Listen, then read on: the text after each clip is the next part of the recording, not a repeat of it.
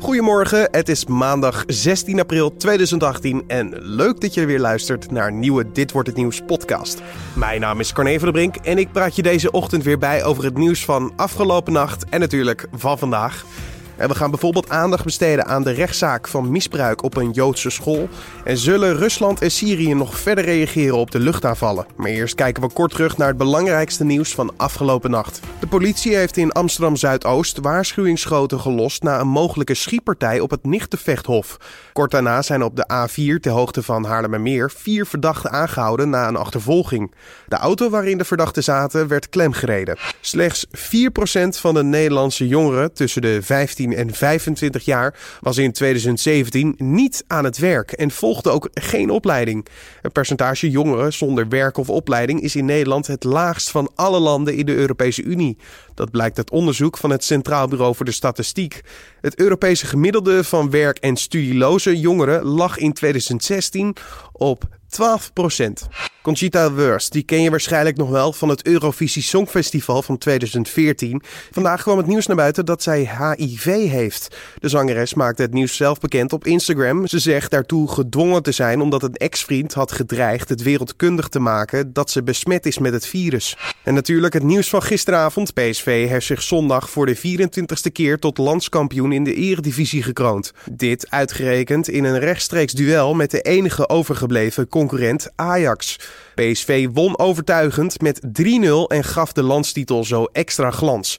We belden gisteren na de wedstrijd met onze sportredactie. Je hoort Bart van Dooyeweert over of PSV verdiend landskampioen geworden is. Ja, dat lijkt me wel. Als je, als je me nu 10 punten voor staat, dan ben je gewoon dik verdiend kampioen. Daar, uh, daar kan geen twijfel over bestaan. PSV uh, begon moeizaam aan het seizoen. Vooral uh, door de Europese uitschakeling was er weinig vertrouwen in, in de goede afloop in Eindhoven. Maar ze hebben dit seizoen nu 31 wedstrijden gespeeld. Drie keer verloren, twee keer gelijk gespeeld. En de rest allemaal gewonnen. Ja, dan ben je gewoon dik verdiend uh, kampioen. Sta je dik bovenaan. Het spel was niet altijd geweldig. Ze hebben ook best wel een aantal uh, slechtere wedstrijden gespeeld.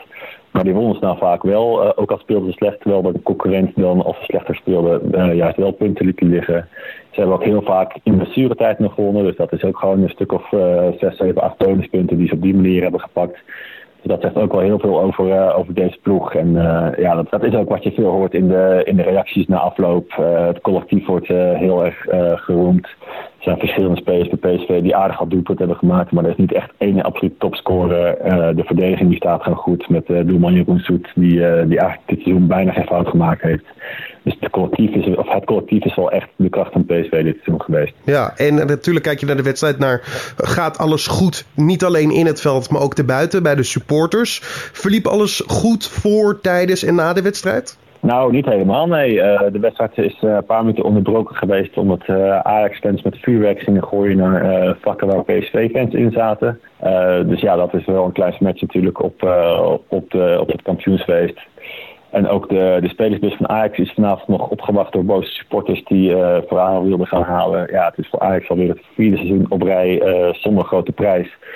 Dus ja, die frustratie die zit wel diep uh, in Amsterdam. Dus we werden opgewacht door Ajax-supporters of door PSV-supporters. Hoe zat dat? Nee, inderdaad. bij de Amsterdam Arena waren boze Ajax-supporters, teleurgestelde Ajax-supporters... die gewoon de spelers wilden toespreken. En dan, ja, zo gaat het tegenwoordig. Dan gaan ze de bus tegenhouden en dan eisen ze dat de trainer of de spelers naar buiten komen om, uh, om een verhaal te doen. Ze even laten merken dat het zo niet verder kan, zeg maar. Maar uh, laten we aan de positieve kant kijken. Uh, natuurlijk PSV kampioen geworden. Vandaag worden ze gehuldigd.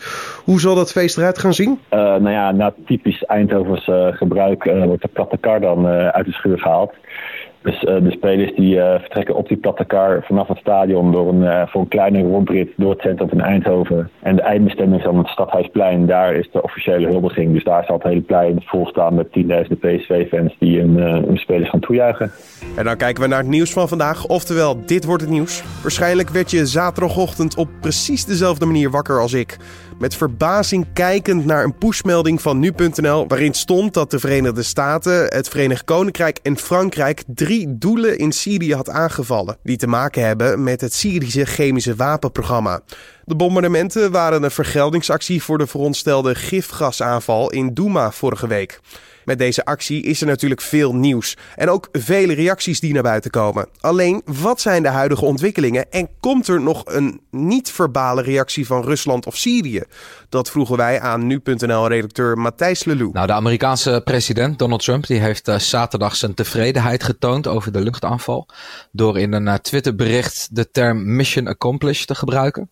Dat was opvallend, omdat zijn voorganger George W. Bush in 2003 met dezelfde term de overwinning in Irak uitriep. En dat bleek toen wat voorbarig te zijn. Uh, volgens de VS, Frankrijk en het Verenigd Koninkrijk heeft het Syrische chemische wapenprogramma enorme schade opgelopen door die luchtaanval en is het jaren teruggezet. Deskundigen die betwijfelen dat sterk. Waarschijnlijk kan Syrië door die luchtaanvallen minder goed ingewikkelde gifgassen zoals sarin produceren. Maar zaken zoals bijvoorbeeld chloorgas zijn nog steeds simpel te maken en te gebruiken. Syrië en Rusland uh, die ontkennen dat de luchtaanvallen überhaupt veel effect hebben gehad. Een grote meerderheid van die in totaal 105 raketten zou door de Russen en door de Syriërs uit de lucht zijn geschoten. Dat strookt weer niet helemaal met satellietbeelden van de plekken in kwestie, waarop wel flinke verwoestingen te zien zijn. Kortom, het lijkt erop dat zowel het Westen als Rusland en Syrië overdrijven over het succes, of juist het gebrek aan succes van die luchtaanvallen. Nou, verder wordt er internationaal vooral veel gepraat over bewijs en de schuldvraag. Het Westen zegt er absoluut zeker van te zijn dat Assad achter de vermeende chemische aanval op Douma zat. En wat er aan bewijs is, lijkt daar inderdaad op te wijzen. Daarom waren die luchtaanvallen op Syrië terecht en proportioneel, vindt het Westen. Syrië en Rusland die blijven in alle toonaarden ontkennen. Ze zeggen dat er geen chemische wapens zijn ingezet. Of, als dat wel zo blijkt te zijn geweest, dat het Westen dat zelf heeft georganiseerd om de regering van Assad te kunnen aanvallen. De Nederlandse minister van Buitenlandse Zaken, de heer Blok, heeft gezegd dat Nederland niet gelijk achter de NAVO-verklaring van deze aanval uh, op Syrië stond. Wa waarom precies? Nou, dat heeft eigenlijk te maken met uh, de kwestie van bewijs. Blok die zegt dat je een dergelijke aanval eigenlijk niet volhartig kunt steunen als je zelf niet alle benodigde informatie hebt. En Nederland had die informatie niet. En daarom heeft het kabinet bij de NAVO-stemming over de luchtaanvallen de kanttekening geplaatst dat Nederland die niet per se steunde, maar er wel begrip voor had. Ja, dat was eigenlijk vooral een symbolisch politiek puntje. Dat heeft de Nederlandse ja-stem blijkbaar niet echt in de weg gestaan. Nee, maar de Russische president Vladimir Poetin heeft natuurlijk de aanval op Syrië fel veroordeeld. Uh, het was volgens hem een aanval op uh, de wettige regering die door Rusland wordt geholpen in de strijd tegen terrorisme. Uh, denk jij dat Rusland na deze reactie nog met een andere reactie komt. Een tegenaanval misschien? Hoe zal het eruit zien? Nou, ze hebben het uh, afgelopen weekend hebben ze het druk gehad. Uh, zaterdag vond er op, op, aanvraag van de Russen een uh, spoedbijeenkomst van de VN-veiligheidsraad plaats. En daar bracht Rusland een resolutie aan waarin de luchtaanvallen op Syrië werden veroordeeld. Die resolutie die haalde het niet. Zondag kwam Frankrijk, gesteund door de VS en het Verenigd Koninkrijk, de landen die gezamenlijk die aanval hebben uitgevoerd, ook met een resolutie. En daarin wordt opgeroepen tot een onafhankelijk onderzoek naar de vermeende gifgasaanval in Douma. De westerse landen willen dat het Syrische chemische wapenprogramma wordt ontmanteld op een controleerbare manier en op een onomkeerbare manier. Een eerder voorstel met vergelijkbare inhoud kreeg een veto van Rusland te verwerken.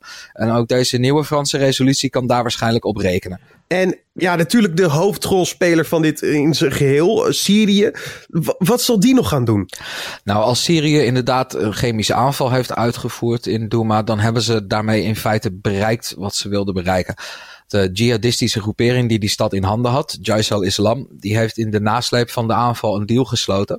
En zij mochten de stad verlaten en afreizen naar Noord-Syrië. En daarmee lijkt het leger van Assad de regio Oost-Ghouta weer nagenoeg volledig in handen te hebben. De Syrische regering heeft de burgeroorlog zo goed als gewonnen, maar is vooralsnog niet sterk genoeg om de eigen controle over het land weer te vestigen. Maar Assad die heeft op zich de tijd, want veel inmenging uit het westen hoeft hij niet meer te verwachten. Zo hebben de Amerikanen al gezegd dat wat hun betreft de strijd tegen islamitische staat belangrijk is. En zodra die is gewonnen, en die kant gaat het wel op, dan wil de VS zo snel mogelijk de ongeveer 2000 Amerikaanse militairen in Syrië weer naar huis halen.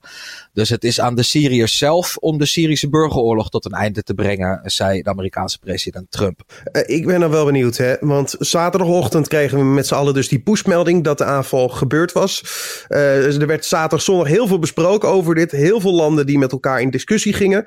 Ehm, maar hoe gaat de rest van de week er nog uitzien? Is daar zicht op? Uh, nou, de Amerikaanse ambassadeur bij de Verenigde Naties, Nikki Haley, die heeft zondag in een interview gezegd dat de VS nieuwe sancties tegen Rusland voorbereiden vanwege de Russische steun voor president Assad. En zij melden dat die sancties waarschijnlijk maandag zullen worden aangekondigd en dat ze zullen worden opgelegd aan bedrijven die producten maken die verband houden met Assad of met het gebruik van chemische wapens. En verder is uh, het team van de Organisatie voor het Verbod op Chemische Wapens, de Inmiddels in Syrië.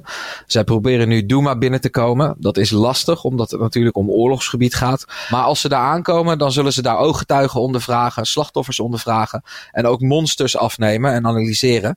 De uitkomsten van dat onderzoek, uh, wat er dus gaat, na gaat kijken, is er daadwerkelijk een chemische aanval uitgevoerd? Nou, die uitkomsten die zullen nog wel een paar weken op zich laten wachten. En het is trouwens nog wel belangrijk om daarbij te vermelden dat de OPCW een neutrale organisatie is.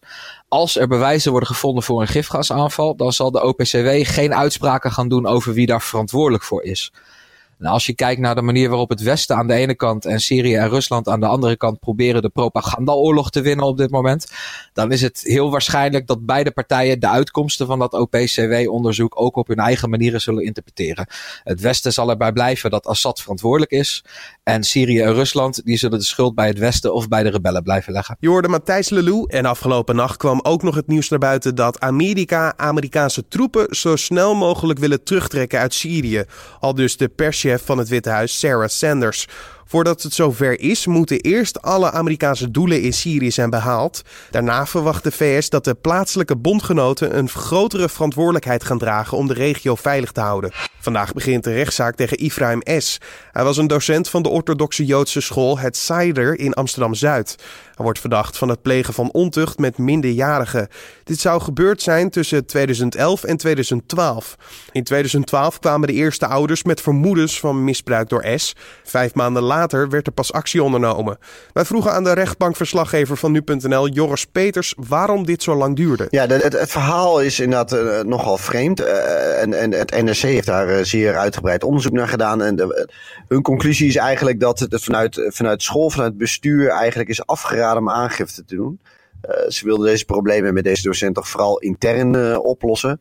Uh, en die mensen zijn, ja, we hebben die te maken met een, met een, met een streng orthodoxe Joodse school. dus je, dat is een zeer gesloten gemeenschap. Dus je kan je voorstellen dat, dat die mensen, als zij te horen krijgen dat zij geen aangifte moeten doen, dat zij daar gevoelig voor zijn. Um, de, de, de, dat zou vanuit het bestuur zijn gedaan. Dat moet allemaal nog blijken natuurlijk. Um, maar zij hebben dus geen aangifte gedaan. Uh, maar een inspecteur van de inspectie van onderwijs die heeft uh, op het hart gedrukt dat ze wel aangifte moeten doen. En dan heb ik het over de school zelf. Uh, die heeft alsnog een tijdje mee gewacht. Toen is hij naar de minister van Onderwijs gegaan van destijds. En die heeft toen een brief gestuurd dat er aangifte gedaan moet worden. En dat is toen gebeurd uiteindelijk in uh, oktober 2012. Maar dan zijn we al inderdaad een, een paar maanden verder. Ja, en uh, uiteindelijk werd dus besloten vanuit het schoolbestuur toen de tijd was dat ze het volgens de Joodse wet eigenlijk wilden oplossen. maar het is best wel vreemd, want in 2012 werd er dus actie ondernomen, aangiftes gedaan. Maar nu pas in 2018 gaat de zaak van start. Hoe zit dit? Ja, dat klopt. Uh, dat komt omdat uh, de heer S. zelf vertrokken is. En hij is naar Israël gegaan. zijn eigen verhaal is dat dit volgens planning was. Hij wilde al emigreren, dus hij wilde naar Israël en wilde zich daar gaan zetten. Het de Openbaar Ministerie houdt er een andere visie op na. En zij zeggen dat hij bewust is vertrokken om zijn straf te ontlopen. Uh, nou heeft hij daar in Israël heeft hij zijn dienstperiode, heeft hij, hij is in militaire dienst gegaan. Die heeft hij uitgezeten en dat heeft hij vervuld. En uh, toen in 2016 is hij uiteindelijk pas uh, uh, gearresteerd op het verzoek van het Nederlandse Openbaar Ministerie. en de, daarna uitgeleverd aan Nederland. Maar vandaar dat het allemaal zo, zo, zo lang heeft geduurd. Ja, en welke straf hangt nu boven zijn hoofd? Ja, dat is een beetje moeilijk te zeggen. Het hangt ten eerste af wat er kan, allemaal kan worden bewezen. Je, we hebben het hier over een misbruikzaak. Dat is altijd zeer lastig. Mm -hmm. Um, en daarbij komt het ook, dat ligt ook aan zijn eigen houding. Hè. Is, is het, ik weet niet of hij, als het heeft gedaan, of hij dat dan ook gaat bekennen. Of hij schuldbewust is. Of gaat hij zich beroepen op zijn, uh, op zijn zwijgrecht. Uh, dat, dat, we, dat weegt altijd mee bij een rechter. Mocht hij schuldig worden bevonden en hij heeft zijn mond gehouden. Uh, dan zal dat zeker meewegen in de straf. Maar hoe hoog die zal zijn, ja, dat, dat, dat zal uh, moeten blijken. Er zullen er eigenlijk nog uh, consequenties zijn voor het, voor het schoolbestuur? Nou, ik denk dat de rol van het bestuur van de school wel aan bod komt in deze zaak. Maar ze staan natuurlijk niet terecht. er is een advocaat die de ouders bijstaat van de slachtoffers. Um, die heeft wel aangekondigd mogelijk nog stappen te willen ondernemen tegen, de, tegen het bestuur van de school. Dus dat zou nog kunnen. En daarnaast zijn er ook door de VVD Kamervragen gesteld. Want ook zij vinden eigenlijk dat, mocht er inderdaad sprake zijn dat zij dit onder de pet hebben gehouden. Sterker nog, zij wilden dit in de doofpot stoppen. Dat er ook consequenties moeten zijn voor, voor het bestuur van deze school. Dus dat, ik kan me niet voorstellen dat dat, dat dat geen gevolgen heeft uh, voor hen. Uh, welke precies, dat zal moeten blijken. Maar het hangt ook een beetje af van deze. Maar de, de, deze zaak gaat zoveel aandacht genereren. dat het eigenlijk bijna onontkomelijk is dat ook, ook het bestuur wordt aangesproken op de rol die zij hebben gespeeld. Je hoorde rechtbankverslaggever Joris Peters. En dit gebeurt er verder vandaag nog. Persoonlijk advocaat van de Amerikaanse president Donald Trump, Michael Cohen, staat voor de rechter. Dit gebeurt in navolging van de inval door de FBI in zijn kantoor een week geleden. Cohen werd verdacht van het plegen van bankfraude en het overtreden van de regels tijdens de presidentscampagne van Trump. Zo zou hij een pornoster 130.000 dollar zwijgeld hebben betaald met het geld van de Trump-campagne. En dan kijken we waar onze collega's vandaag over schrijven. Vaders worden buitengesloten bij de zorg van hun kinderen, dat schrijft het AD. Vaak onbewust richten basisschoolleraren, pedagogisch medewerkers van kinderdagverblijven en artsen in de jeugdgezondheidszorg zich tijdens gesprekken of hulpvragen op de moeders. Dat kan veel beter, vindt het ministerie van OCW en experts. Opnieuw is er kritiek op een loonsverhoging voor de top van een bank, meldt de Volkskrant. Van Landschot Kempen wil de beloning van de topbestuurders fors verhogen, omdat ze aanzienlijk minder verdienen dan hun collega's bij vergelijkbare bedrijven. Critici wijzen erop dat die veel groter zijn dan van Landschot en de vergelijking mank gaat. En dan nog even het weer. Het blijft vandaag nagenoeg droog. Plaatselijk is er kans op een lichte bui. Van het westen uit krijgt de zon steeds meer ruimte. Het wordt vandaag 13 tot 17 graden bij een matige westelijke wind. En dan nog dit. De Amerikaanse acteur Ronald Lee Ernie is overleden aan de gevolgen van een longontsteking. Dit nieuws maakte zijn manager bekend. Ernie werd vooral bekend door zijn rol als drillinstructeur Hartman in Stanley Kubrick's oorlogsfilm Full Metal Jacket. Because I am hard, you will not like me. But the more you hate me, the more you will learn. I am hard, but I am fair. There is no racial bigotry here. Here you are all equally worthless. Do you maggots understand that? Sir, yes, sir. Bullshit, I can't hear you.